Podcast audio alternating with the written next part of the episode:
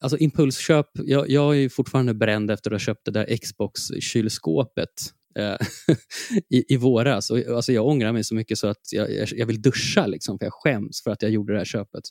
Det, det är en så totalt jäkla onödig produkt. Liksom.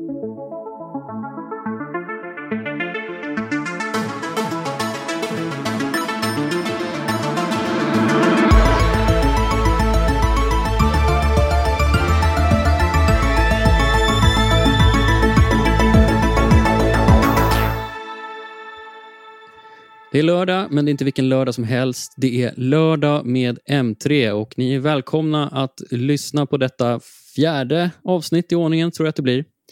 Och eh, idag, eller nu i dagarna, så står ju Black Week inför dörren och flera återförsäljare har redan smugit igång sina olika rea-kampanjer. Idag ska vi prata om bluffreor, hur du ska gå tillväga för att göra de bästa Black Friday-klippen och om hur e-handelsfenomenet dropshipping kan innebära stora risker för den som handlar från fel aktör. Men först måste vi prata om årets julklapp. Handelns utredningsinstitut fortsätter på sin eh, turné och väljer i år att eh, hylla det hemstickade plagget. Rätt eller fel? Fel. Ja, det, det är tråkigt i alla fall. Är ni arga? Ida och Petter, hör ni, är tillbaka i studion och ingen kan hylla det här beslutet. Är det någon som vill utveckla? Ja, jag tycker det är helt galet. För det första, eh, om man ska sticka en, hem, hemsticka en tröja åt någon. Nu är inte jag en stickexpert, men jag kan tänka mig att det tar en hel del tid. Eh, och det är inte så lång tid kvar till jul. Så där är första problemet. Andra problemet är, gud så tråkigt. Alltså, har de inte mer fantasi än så? Jag, jag, kan eh, flika in att det tar lång tid att sticka saker, eh, i alla fall till vuxna personer.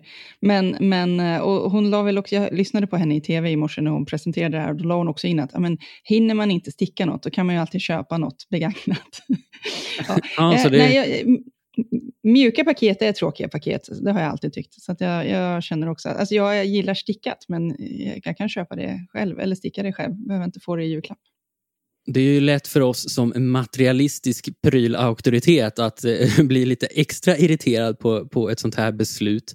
Eh, och, men du säger någonting intressant att om, om, man inte har tid att sticka till alla så kan man ju lika gärna köpa begagnat. Men då är vi tillbaka till 2018 när det återvunna plagget blev årets julklapp. Det var, mm. ju, det var ju faktiskt där som, som skiftet gick. Det blev en tydlig brytning efter ett eh, decennium där Handelns utredningsinstitut eh, var väldigt eh, tekniskt och materialistiskt inriktad och utsåg bland annat robotdammsugaren och elcykeln och andra teknikprylar till årets julklappar. Ehm, vi på M3 har ju en stolt tradition av att såga vad det än blir nästan. Det är sällan vi säger att de var rätt på det i år. Eh, även när det handlar om teknikprylar. Då. Uh, jag minns att chefredaktör Mikael Lindqvist vevade stenhårt mot elcykeln och sa att det har ju ingen råd att köpa uh, till någon annan. Men ska vi tolka det som att uh, det stickade plagget, det hemstickade plagget, det, det, är bra, det är en bra present för de som inte har så många vänner? exakt, exakt så. Så är det ju. Mm, och, och, jag tänkte ja. ta semester nu så jag hinner sticka till hela släkten. Alltså, jag, jag, tycker, jag tycker de missade ett öppet mål eh, och som även eh, vår chefredaktör skrev i sin krönika. Det här att varför inte skänka en slant till Ukraina? Mm. Borde inte det vara årets jul, julklapp?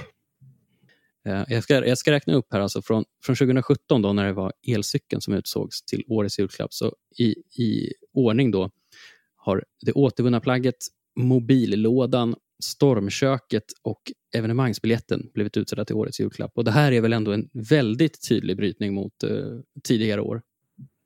Ja, verkligen. Ja det, ja. ja, det känns som att det blir tråkigare och tråkigare presenter. Alltså, de har gått ifrån jul, julklappar man vill ha till julklappar man inte vill ha. Ja, och, och, de har ju sina egna tre kategorier som de har gått efter hela tiden. Och Det är att årets julklapp ska representera den tid vi lever i den ska vara en nyhet eller ha fått ett nyväckt intresse. Eh, och årets julklapp ska också svara för ett stort försäljningsvärde eller säljas i ett stort antal enheter. Och uh, stick, alltså, hemstickade checkar, plagget... Det checkar vi inte av någonting utav det där. Alltså jag menar, den första, det, det är väl ganska godtyckligt att tröjor har man ju alltid på sig. Liksom. Uh, och, och, det är klart att det... Ja, uh, ja men, men, men, är det verkligen en nyhet eller fått ett nyväckt intresse? Jag har inte hört någon som har pratat om stickade tröjor i år. Nej, inte jag heller. Jag tror inte heller det. Nej, men eh, det var ju någon annan, som, någon prisjämförelsesajt kanske det var, som utsåg airfryern som årets julklapp och det ligger väl kanske mer rätt på och, eh, inte, och som vi var redan var inne på här med att ge något till välgörenhet eller typ spara elprylar skulle väl vara bra. Typ ett presentkort mm. på ICA så jag har råd att köpa smör i vinter. ett vedträ eller två kanske. Ja. Bregott, det kanske kan bli årets julklapp med tanke ja, på hur dyrt det är. Jag tror det är dyrt, ja. ja jo, vi började, exakt så. Och um, ska vi, alltså, om man tittar på, alltså prisjakt var det då som utsåg airfryern till årets julklapp och de går ju bara på hårda data, liksom, prognoser, säljstatistik. Eh, Medan Handelns utredningsinstitut har ju tydligt då gått ifrån någon princip som de har levt efter tidigare. Eh, de, ja, de var nog också mer datadrivna, tror ni inte det, förut? Ja, det måste nästan ha varit så. Det känns ju som att de vill göra ett statement med varenda julklapp nu som de utser. Alltså det är ju så här, typ gammelmedia som snappar upp det. jag kan inte tänka mig att dagens kids överhuvudtaget bryr sig eller ens vet om att de gör det här. Så det är väl lite ja, storm i en tekopp. Ska vi som eh, Ska vi som prylsajt ha dåligt samvete för att vi orkar uppröras över en sån här sak? Nej, alltså jag är inte upprörd. Jag är bara mest förvånad över, över valet. För att det var så korkat. Um, och jag menar om, om, om det är så att de har, har frångått det materialistiska som du, som du var lite inne på så finns det ju så mycket bättre sätt man kan eh, spendera pengarna på, eller andra julklappar man kan spendera pengarna på som till exempel då någon välgörenhetsorganisation eller vad det nu än kan vara.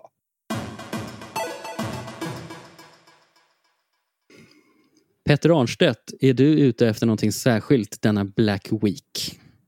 Faktiskt inte. Alltså jag har, jag har grejer så att jag klarar mig. Eh, det ska vara om det är någon så här fullständigt onödig liten pryl, något så här, någonting roligt typ. Eh, en switch kanske. Det ska vara ja. det. Eller någon lite felöversatta prylar från Amazons oh, super... Ja. De, de har ju sådana här stickmaskiner. Det var ju någon som var en väv, väv, vävmaskin. Um, väv, vävmaskin, ja. Då kan du göra fler julklappar till. Ja. En, en, vet du, en ullhatt till min baby kunde jag göra. uh, så nej, nej, nej fasen heller. Ida då? Alltså, jag önskar att jag kunde vara en sån här äh, smart människa som nu bara var rent ekonomisk. Bara, nu ska jag köpa en årsförbrukning av allt hushållet behöver. För det kan man säkert fynda nu. Men jag tycker sånt känns för tråkigt. Så att jag kommer nog också leta efter, eh, inte vet jag, prissänkt lego och kanske spel till switchen jag redan har. Eller några sådana där grejer som man kan unna sig om det är bra pris på dem. Mm. Ja, det, det, det, blir intressant att se då hur, hur det faktiskt faller ut under den här Black Friday. För vi är ju i det är tuffa tider uh, och, mm. och, och, folk, folk har ju då eventuellt sparat ihop för att göra lite större köp nu under Black Friday. Men det finns ju också en risk att det inte alls blir så, att man tvärtom håller ännu mer i pengarna. Uh, jag är ett ganska Black... bra exempel faktiskt. Jag skulle vilja byta ut plasma-tvn mot en ny tv, men jag vet inte om det känns som att det är så himla lämpligt i, med tanke på tiderna som råder. Nej, Nej, det, mm. blir, det blir extra svårt att förutse på något sätt. Jag, mm. själv, själv, själv Billy, vad ska du ha? Eller köpa? Eller vad vill du ha? vad jag vill ha? Alltså, jag vet inte. Jag, jag känner mig också så här härligt omaterialistisk i år. Jag känner mig däremot som en riktig samarit. Så det jag ska göra under årets Black Week det är faktiskt att hitta en ny bärbar dator till min mormor. Mm. Uh, jag eh, kommer ju hålla extra utkik efter bra laptop-deals eh, nu under Black Week och eh, då passar det ju väldigt bra att jag också har fått det här uppdraget då av min mormor som, som är ute efter en klassisk göra lite allt möjligt-maskin för 5000 kanske. Så där kommer jag sitta och jämföra olika deals och prisnedgångar och så vidare. Det blir intressant. Jag, jag rör mig sällan i de prisområdena när det kommer till just eh, datorer. Jag brukar vara ute efter lite dyrare saker. Men, eh, så, så det här är lite obevandrad mark för mig skulle jag säga. Med oss idag så har vi Evelina Galli som är pryl och eh, konsumentexpert på Price Runner men som också har ett förflutet hos oss på M3. Så det blir lite svågerpolitik att plocka in dig här men du ska vara hjärtligt välkommen. Tack! Jag älskar att jag inte är teknikexpert utan prylexpert. Ja, pryl, teknik. Du, du får kalla dig vad du vill. Eh, jag kanske eh, benämnde dig fel. Jag ber så hemskt mycket om ursäkt för det. Nej, men du får säga vad du vill. Det är jättekul att du är med i alla fall. Det var ju ett tag sedan vi fick chansen att prata med varandra. Hur är läget ja. på Price Runner? Läget på Price Runner är bra. Det är intensivt eh, just nu när vi börjar närma oss våra stora shoppinghögtider här nu i november. Ja, och en har ju varit eh, Singles Day. Eh, och, eh, men det som eh, ännu fler blickar fram emot nu är ju Black Friday-veckan, eller Black Week, som redan är igång mer eller mindre kan man säga. Eh, det har ju redan börjat dyka upp massor av eh, prissänkta prylar och så vidare. Det är som sagt intensiva tider för, för er som prisjämförelsesajt och ni har också gått ut med lite information om bluffreor som ju alltid mm. verkar vara på tapeten i samband med de här shoppinghögtiderna. Förklara konceptet bluffreo för mig som om jag vore fem år gammal. Nej men det gör jag så himla gärna. Så att, eh, ja men tyvärr som du säger så är det ju ganska utbrett att återförsäljare försöker få en rea att se större ut än vad den är. Och det finns lite olika metoder att göra det här. Och när vi pratar om bluffreor eh, och det som vi så kan man säga kartlägger varje år. Det är alltså när återförsäljare först höjer priset på en produkt efter sommaren och sen i samband med en rea eller en kampanj sänker priset för att få den här prissänkningen att verka större. Och nu under Singles Day så såg vi att det låg ungefär 33 procent av alla prissänkta produkter var vad vi skulle kalla för en bluffrea eller falsk prissänkning. Under förra Black Friday så låg det på ungefär var femte rea. Eh, så att vi fortsätter kartlägga det här även i år. Eh, om vi ska tro att om Singles Day är en indikation så kommer det väl ungefär se ut samma i år som det gjort tidigare år. Men, men är det här ett ökande fenomen eller ligger det liksom på någon slags stadig nivå med de här typen av bluffreor?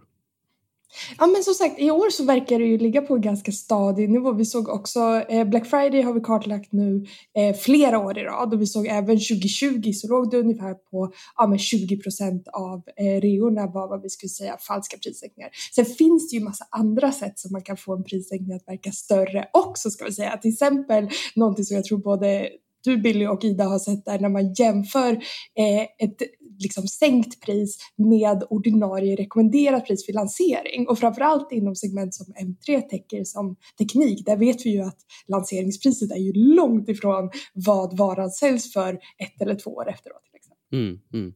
I Irland så är ju det rekommenderade priset inte ens vad de börjar sälja den för vid säljstarten. Alltså det kan ju skilja ganska mycket redan. Så här, Åh, vi lanserar en produkt, den kommer kosta så här och så här går det en vecka så ligger det för mycket lägre pris ändå. Exakt. Så det får man ju absolut passa sig med. Eh, finns det någon liksom prylkategori som tenderar att ha extra mycket av de här bluffreorna? Nej men vad roligt att du frågar Ida, för jag har så himla mycket data på sånt där nämligen. Så att... Det är ju därför vi pratar med dig. ja, precis.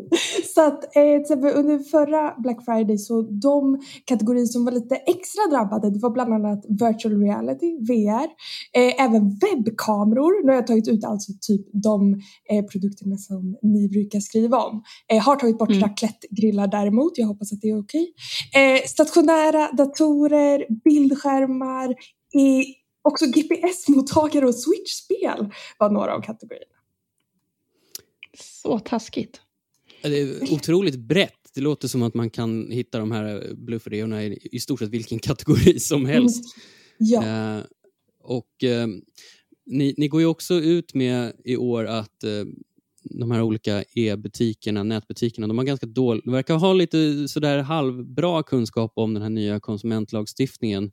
Eh, bland annat då, den här, vad heter den, prisinformations berätta mer själv. Jag, jag har glömt ja. ordet på, namnet på den här lagen. Nej, men det är så himla mycket termer att hålla koll på. Jag själv jag fick prata med en jurist inför att jag ska snacka lite om det här också och jag är ändå inte helt hundra om exakt vilka ord man ska använda. Men det heter det moderniserade konsumentskyddet i alla fall, är liksom det officiella ordet. Och bland annat eh, i det här nya konsumentskyddet så finns det att eh, återförsäljare måste vara mer transparenta med prissänkningar. Så man måste bland annat så, eh, skriva ut det lägsta priset inom 30 dagar på en vara eh, innan reapriset så att säga. Så då kan man ju inte hålla på och liksom höja priset precis innan rean och sen sänka det. Det skulle ju stå då. Eh, det är en av sakerna. Det är även massa andra delar som ingår i det här nya moderniserade konsumentskyddet som att man måste vara mer transparent med hur man samlar in användarrecensioner, eh, hur man rankar olika produkter i sökresultaten och så vidare. Eh, men det här med transparensen kring prissänkningar är väl kanske det som vi har pratat mest om. Och som du sa Billy, vi gör en undersökning varje kvartal där vi frågar e-handlare om ja, men olika aktuella ämnen och där svarade bara 13 procent att det här, den här nya moderniserade konsumentskyddet kommer påverka deras Black Friday-kampanj. Eh, det var fler, det var 19 procent som sa att de inte var insatta i den till och med. Ja, det är lite anmärkningsvärt, men det är också det här gick väl live, de här ändringarna gick väl live i september om jag inte minns fel? Exakt, första september. Du har helt ja, så man får väl eh, nästan räkna med då att det blir en eh, övergångsperiod eller vad man ska säga där, där de olika nätbutikerna får chansen att anpassa sig då. För det, det, är ju som sagt, eh, som du själv säger, att man inte kan hålla på och prissänka och höja hur som helst utan att vara transparent med det. Och det, Precis, ändå... och det mycket av det som vi ser här har redan varit olagligt ska vi säga. Det är bara att det är liksom ännu tydligare. Ja, men ändå så kan man då räkna med att få se en del eh, bluffreor och prisfiffel eh, även i år då? Ja, tyvärr verkar det som det. Med det sagt, det är många som tror att Black Friday kommer bli lite extra bra i år. Vi börjar se hur liksom återförsäljare har lite fler produkter i lager än vad de har haft nu de senaste två åren när ni som bekant vet att de har ju haft problem att få in eh, produkter i lager till följd av komponentbrist och fraktkaos internationellt. Så att om man har ögonen med sig så tror jag som konsument att man kan ändå hitta eh, ja, men produkter som man letar efter till bra pris. Det är ju intressant ändå. Vi har ju pratat ganska mycket om det där på redaktionen. Kommer Black Friday i år bli extra bra eller ex, liksom dåligt för att folk håller hårt på sina pengar? Och liksom, ja, men, ja, spännande. Nej, men, eh, så här, vi ser att intresset är fortsatt stort från konsumenter. Så att, eh, vi frågade hur många svenskar som skulle vara... Vi gör YouGov-undersökningar på svenska konsumenter också hela tiden. Och då svarade i år 44 procent att de eh, var intresserade av att till någon del ta del av Black Friday-rean i år. Och det är motsvarande, förra året var det 42 procent, så det är till och med en liten, liten höjning av antalet konsumenter som är intresserade av Black Friday-rean. Och dessutom är det många som svarar att de nu, i och med att de märker att de får högre, hushållen får högre omkostnader helt enkelt, man har kanske lite mindre pengar att röra sig vid, så är det fler som försöker ta del av rabatter och köpa mer saker på det. Mm, mm. Hmm. Okej. Miljonkronorsfrågan då? Vad tror ni blir liksom ja. storsäljare under Black Friday i år? Oj, bra fråga. Eh, de populära produkterna nu är ju, det har säkert hört det här eh, massa gånger, men airfryers går ju hett just nu. Oj, det är en pann där också. Va? Var det? Ja, det går hett! De är i varmluften. Eller nej, det kanske man inte heller kan säga. Nej, men det är kul. De är i varmluften, hetluften. Eh, de, de är i hetluften, precis. Eh, utöver det så tror jag personligen, för jag tänker med tajmingen, att ni vet sådana här kalendrar med typ, det kan vara skönhetskalendrar, det kan vara choklad, det kan vara öl, prylar, alltså så här, ni vet, sådana här lite mm. speciella kalendrar. De tänker jag kan gå hett också. Mm. Du kan vara något på spåren där. Jag har redan klickat hem en ölkalender till en bekant faktiskt. Han blev jätteglad för den. Det var ju innan Black Friday. Så Sveriges sämsta shoppare, det är jag. Men finns det andra prylar som brukar eh, få särskilt stora prissänkningar eh, kring just sådana här högtider? Precis, så att de liksom inom ert segment med störst prissänkningar, det var bland annat Playstation-spel, både till Playstation 5 och 4. Eh, vet inte hur många som fortfarande köper dem på liksom skiva, men om man är intresserad av det så kan man göra det. Spara lite utrymme på hårddisken. Eh, övervakningskameror, robotdammsugare, datormöss. Eh, också så wearables, alltså till exempel eh, smartklockor och träningsarmband. Det var några av de som hade störst eh, prissänkningar inom ert segment. Så att om man har ögonen med sig, det finns ju lite så här myt om att så här Black Friday är bara en bluff, man kan inte hitta någonting billigt, allt blir bara dyrare. Det, så långt skulle jag absolut inte gå och säga, utan det finns ju bra erbjudanden där ute om man bara gör lite research. Mm. Och med det så tackar vi Evelina Galli som har eh, några hektiska dagar både framför och bakom sig under den här Black Week-galenskapen som ju pågår för fullt redan nu. Tack för att du kom hit. Tack för att jag fick vara med.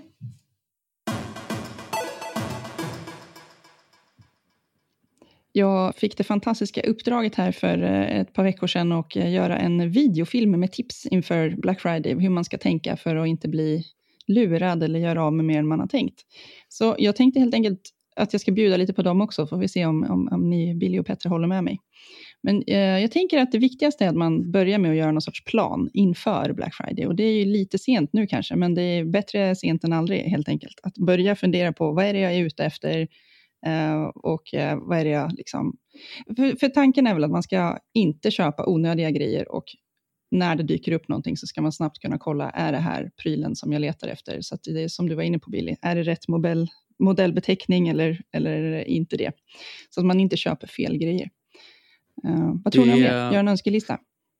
Ja, alltså impulsshoppa på Black Friday, det är nog bland det värsta man kan göra tror jag. Uh, jag tror att det kan sticka iväg och, och, och, ett sånt här år när, när ändå privatekonomin är kanske lite mer ansträngd än vanligt så, så ska man nog vara Alltså impulsköp, jag, jag är fortfarande bränd efter att ha köpt det där Xbox-kylskåpet eh, i, i våras. Och, alltså jag ångrar mig så mycket så att jag, jag vill duscha, liksom, för jag skäms för att jag gjorde det här köpet.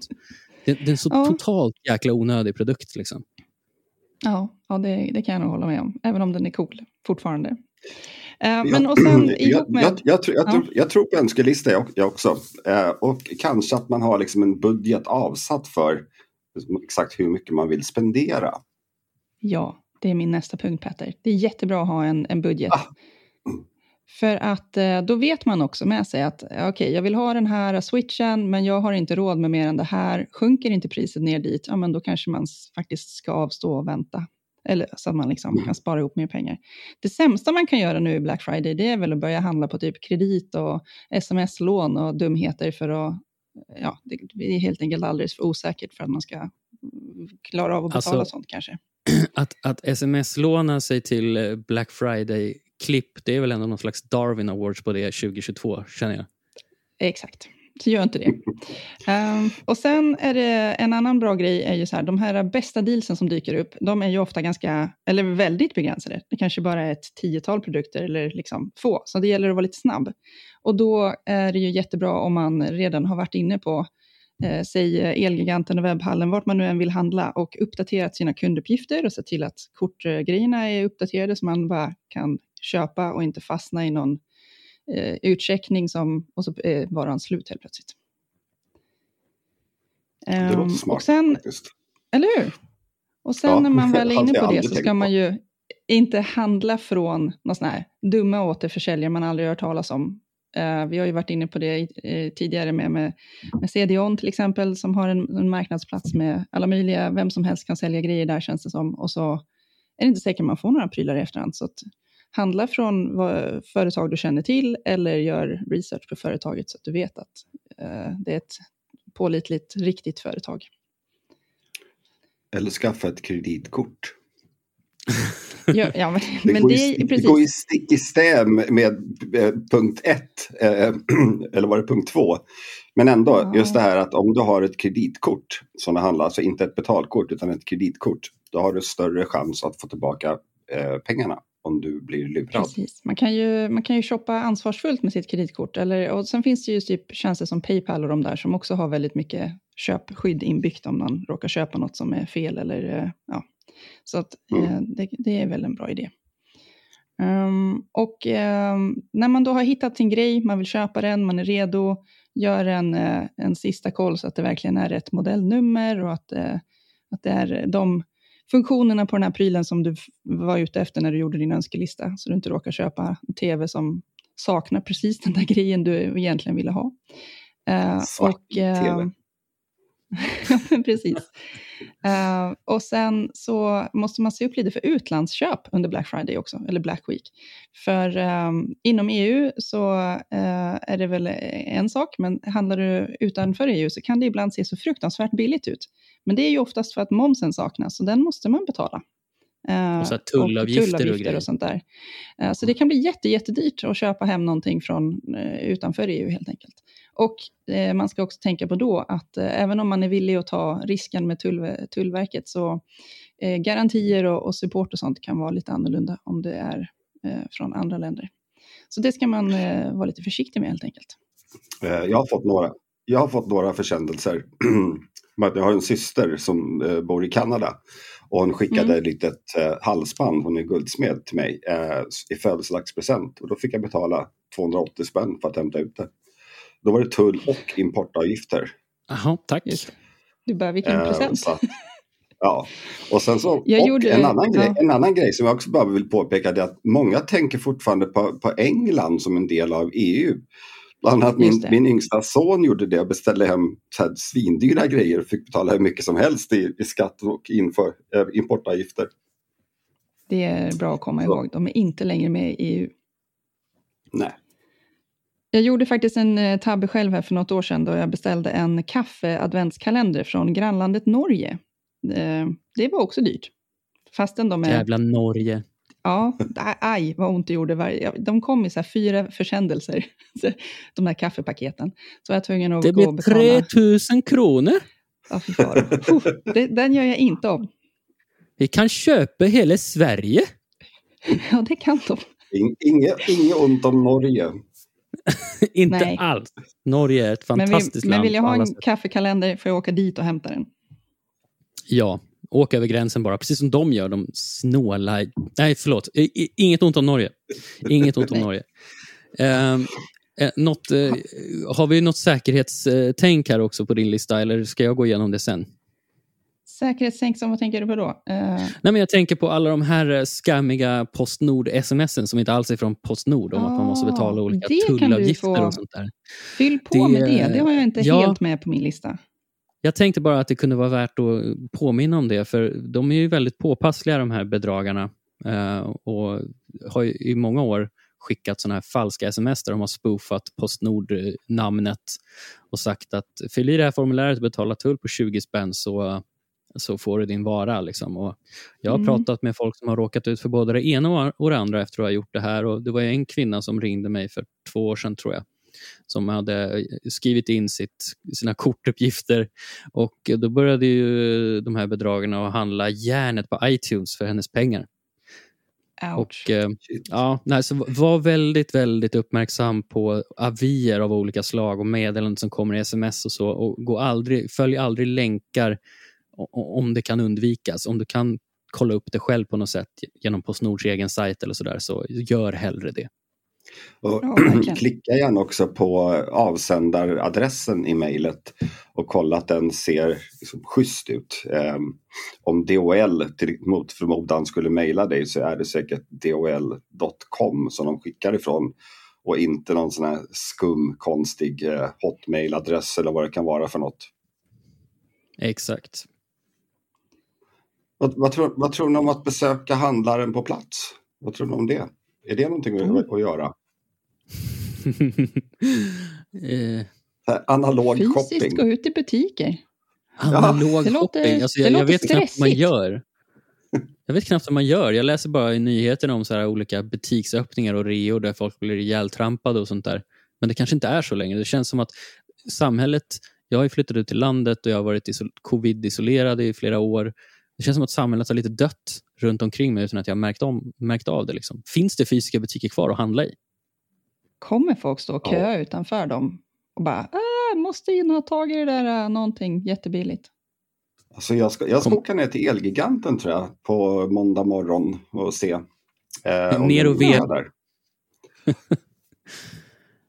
det, då kanske vi får någon så här på plats-rapport från dig. Så det kommer bli superintressant fotoreportage. fryser utanför Elgiganten på Barkarby. Ja. Eh, ja. Lite som den där Eh. Jönsson som sitter i bilen och, och kör sitt eh, journalistrace. Du menar vår chefredaktör?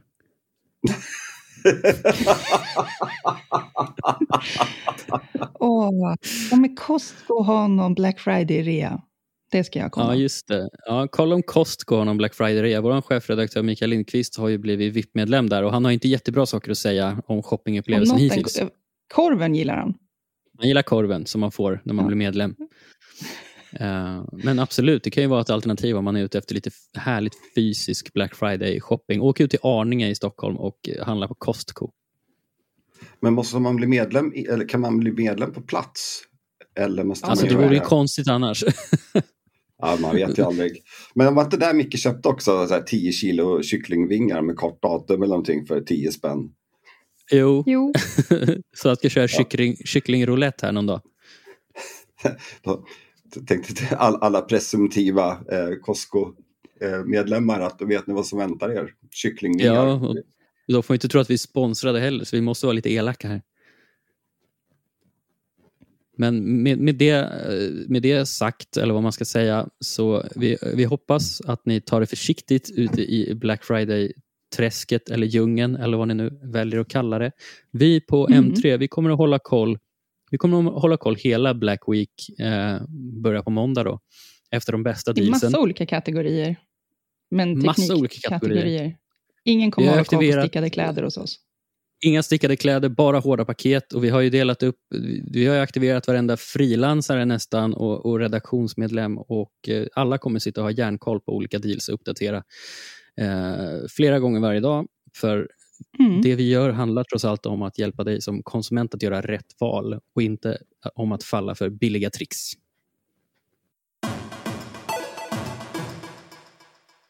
Att sälja varor över nätet men varken sköta lagerhållning eller leverans själv kallas för dropshipping.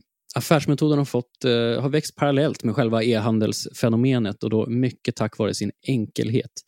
Men allt är inte guld och gröna skogar och havererad dropshipping kan i värsta fall innebära en rejäl näsbränna för konsumenter som tror att de har gjort ett klipp. Det här ska vi prata om med Henrik Jonsson som är vägledare på Konsumentverkets Hallå konsument. Välkommen hit! Hej, tack så mycket. Varför har ni valt att granska just eh, dropshipping? Vi märkte ju att under pandemin så kom det in en väldig, ja det, det var en väldig ökning helt enkelt av ärenden som hade att göra med den här affärsmodellen. Så eh, ja, vår eh, rättsavdelning bestämde sig helt enkelt för att titta lite extra på, på just det här fenomenet och vilka problem som kan finnas i den här affärsmetoden för konsumenter. Vad var det för typ av ärenden som kom in då?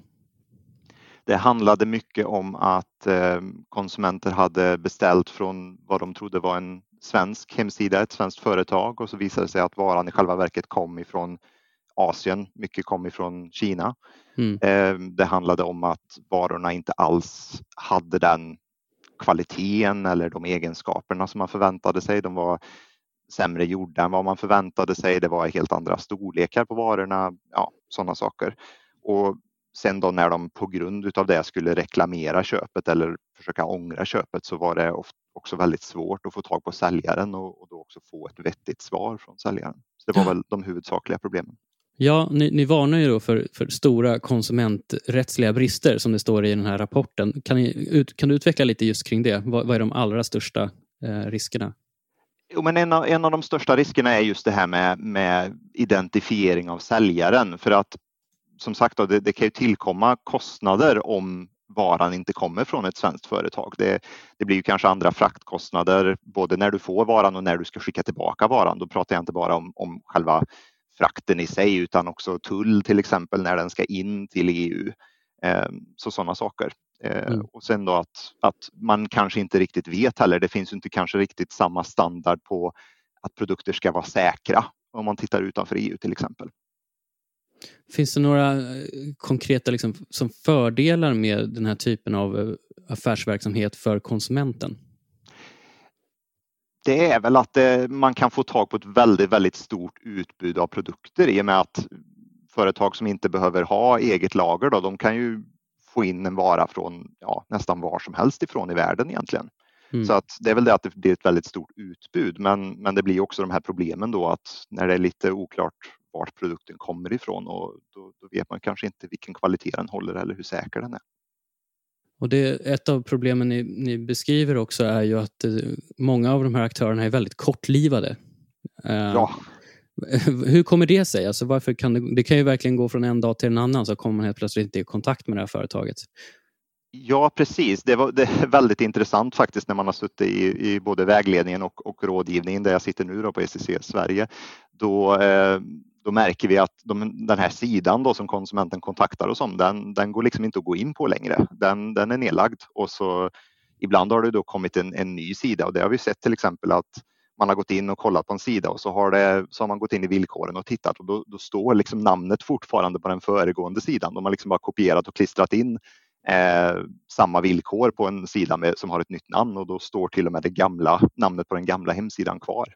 Mm. Så att eh, det, det, är ju det som gör att det är svårt att komma åt de här sidorna som är problematiska också för de kan liksom försvinna väldigt snabbt och sen dyka upp i någon ny kostym med något nytt namn helt enkelt med mm. någon annan adress eller något annat namn. Och Det här är ett problem som, eh, det är väl knappast bara Sverige som liksom lider av dropshipping-problematiken? Va?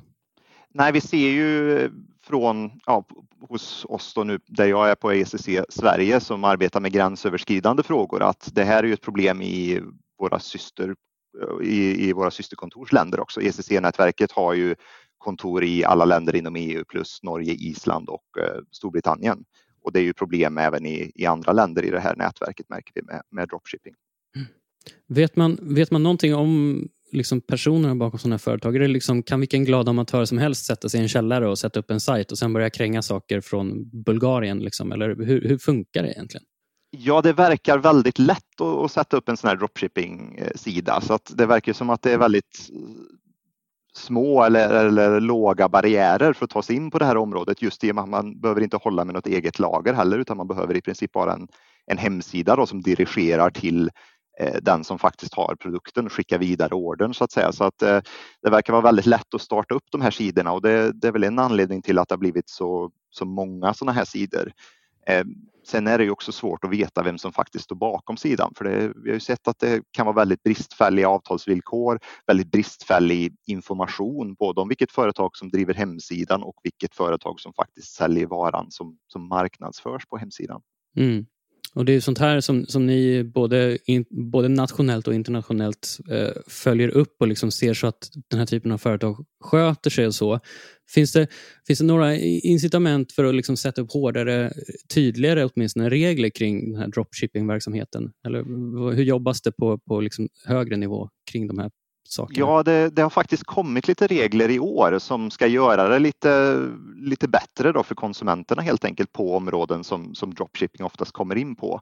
Ehm, det kommer ett nytt regelpaket här i eh, första september, ett moderniserat konsumentskydd som det kallades som, som var tillägg till några befintliga lagar. Då. Bland annat så ehm, en vanlig sak man har sett på, på dropshipping-sidor det är att det marknadsförs ett, ett rabatterat pris och så står det ett ordinarie pris då som, som aldrig egentligen har gällt utan det har alltid varit sänkt till det här billiga priset som står nu. Mm. Och då har det kommit ett tillägg till prisinformationslagen som säger att numera måste företag visa det lägsta priset som har gällt de eh, senaste 30 dagarna. Så man mm. kan liksom inte ha en konstant sänkning av priset utan då, då ska det snarare ses som det ordinarie priset om, om det liksom alltid har gällt. Mm. Um, Sen en annan, eh, ett annat tillägg som har kommit är att man numera måste, om man har kundrecensioner på sina produkter, för det, det ser vi också att det är på många av de här sidorna, då måste man också numera förklara hur man säkerställer att de här eh, recensionerna faktiskt är äkta helt mm. enkelt. Mm. Så lite sådana saker har ju kommit som, som kommer påverka det här området. Okej, och, och, framåt, det, dropshipping som fenomen, det är väl någonting som ni fortsätter att granska eller tog det stopp med den där rapporten eller hur, hur jobbar ni nu? Liksom? Den här kom, rapporten kommer ju ligga till grund för, för fortsatt arbete och det, det, kan ju användas som en grund för, för framtida tillsynsärenden också men det får vi se hur, hur det utvecklar sig helt enkelt. Mm. Um, men det, det, är också för att den ligger ute den här rapporten så att vem som helst kan gå in och läsa den så att man ska kunna utbilda sig själv också om vilka problem som finns. Ja. Då tackar vi Henrik Jonsson. Tack så jättemycket för att du kom hit och pratade med oss. Ja, men tack så mycket. Och där tackar vi Konsumentverket för medverkan i den här podcasten. Och eh, Ida och Petter, jag hoppas att ni också fick ut någonting av den här intervjun. Eh, det är helt klart någonting som är på upp, uppmarsch och någonting som orsakar mycket problem för svenska konsumenter, om inte annat. Det var i alla fall jättekul att snacka om det ena och det andra i samband med Black, Friday, Black Week med er. Och, eh, jag hoppas att du som lyssnare också hade en trevlig stund med oss. Hörs igen nästa vecka. Hej då!